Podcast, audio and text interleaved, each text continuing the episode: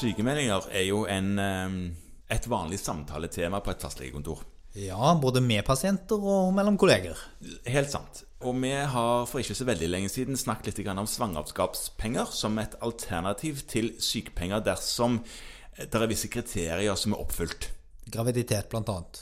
Blant annet graviditet. Eh, veldig bra.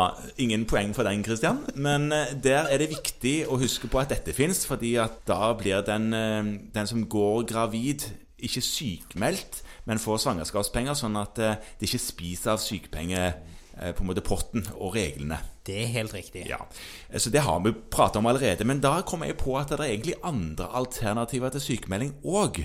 Ja, det er der. Så vi tenkte vi kunne ta en Mange. li- Ja, det er en del. Ja. At vi kunne ta en, en liten prat om det, for det, det er jo like viktig å vite om dette eh, som svangerskapspenger.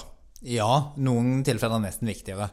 Fordi at mange av disse gjelder jo alle. Og den vanligste og den hyppigst brukte og den oftest misbrukte er vel egenmeldingen. Ja, og den kommer jo ikke med borti, bortsett fra noen pasienter som kommer og sier at nå har jeg hatt en egenmelding i eh, tre dager. Ja. Eh, Så nå må den bedriften jeg jobber i, den krever nå sykemelding fra dag fire. Ja. Hvis det er en sånn en type bedrift. Det- Og da sier jo ofte pasienten du, men kan ikke du bare sykemelder meg for de tre dagene som har gått òg? Ja, det kan du jo ikke. Nei, fordi du ikke har hatt noen kontakt. Du kan ikke tilbakedatere sykemelding til før første relevante kontaktpunkt. Nei, nettopp. Sånn at da må det foreligge en eller annen form for kontakt før som kan godtgjøre at du på det tidspunktet forsto at pasienten nok trengte en, et sykefravær, eller et frafall pga. sykdom. Mm. Og så lenge det ikke er en eller annen særlig grunn til det, så holder det jo med egenmelding òg. Ja, det gjør det. Og egenmelding skal egentlig brukes først. Eh, Så sånn sett så er det helt greit. Og er du sånn IA-bedrift, så har du jo da 24 helt frie egenmeldingsdager. Eh, Ellers så er det denne berømte tredageren. Ja. eh, Der du eh, kan ta ut én, to eller tre dager og miste resterende hvis du ikke tar det ut.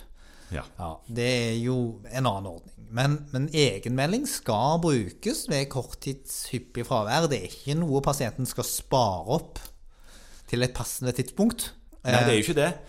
Men siden vi nå snakker om akkurat det, og nå er det mulig at eh, vi ikke klarer å få dette inn på én sending, men la meg likevel eh, problematisere dette med egenmelding bitte litt. For det er jo noen pasienter som går rundt og har hyppige fravær gjennom året fordi de har en sykdom.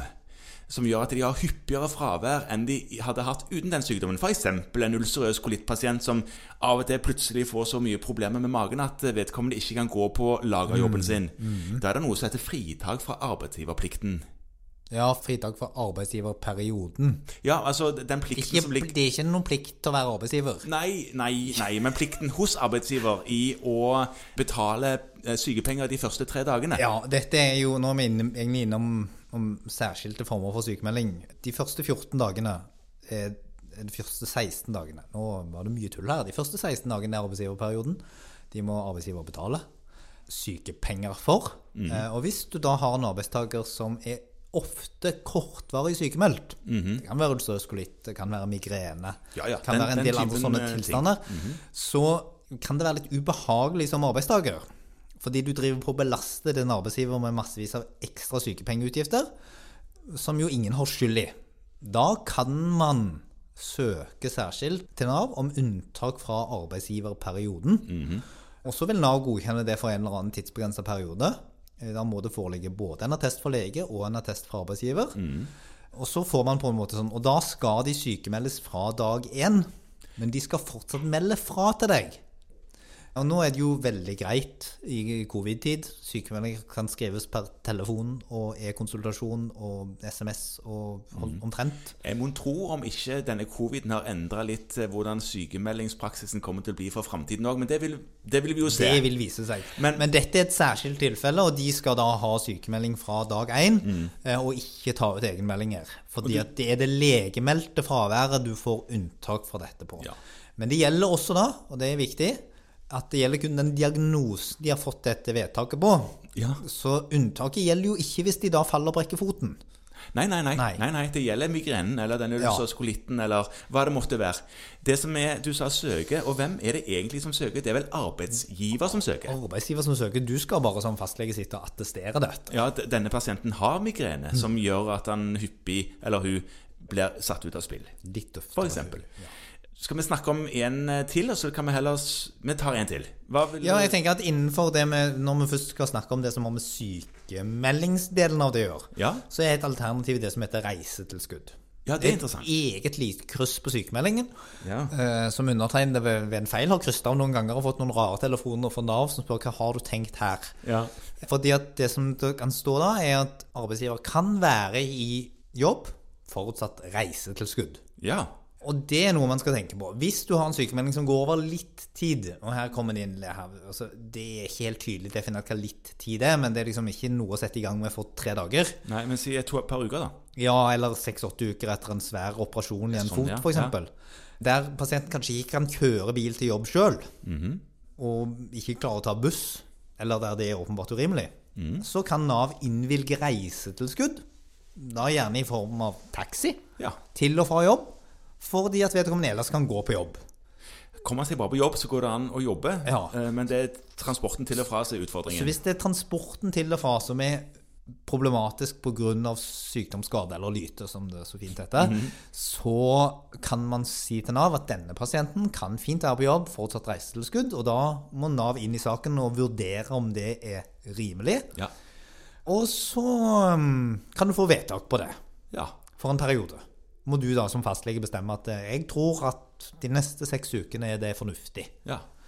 Og så er det en mulighet til at pasienten da ikke trenger sykepenger, men heller får reisetilskudd. Og siden vi nå var inne på den sykemeldingsblanketten, da kan vi ta behandlingsdager òg? Ja. For det, det er òg en sånn greie på Nav, eh, altså på sykemeldingsblanketten, som du skal krysse av dersom du skal ha sykemelding på enkeltstående behandlingsdager. ja. Og da er det sånn at hvis du over en periode skal gå på en enkel behandling én dag, der behandlingen enten tar hele dagen, eller gjør det umulig for deg å være på jobb det meste av den dagen, fordi den ikke kan legges til kveldstid, e-, eller det krever forberedelse eller etterarbeid, eller at du er så utslått av det etterpå, Ja. Og det er mindre enn én dag i uken.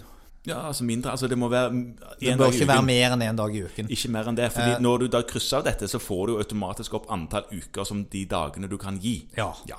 Så kan det være et alternativ. Og det som er fordelen med det, er at da spiser du kun den dagen av sykemeldingsdagene dine. Det er helt sant. Så hvis du tar én dag i uka over åtte uker, så er det åtte sykemeldingsdager. Ja, hvis men- du sykemelder 20 så, Så er det Mm. åtte uker. er det åtte uker. Og det er en stor forskjell for hvor lenge du har rett på sykepenger. Det er helt sant.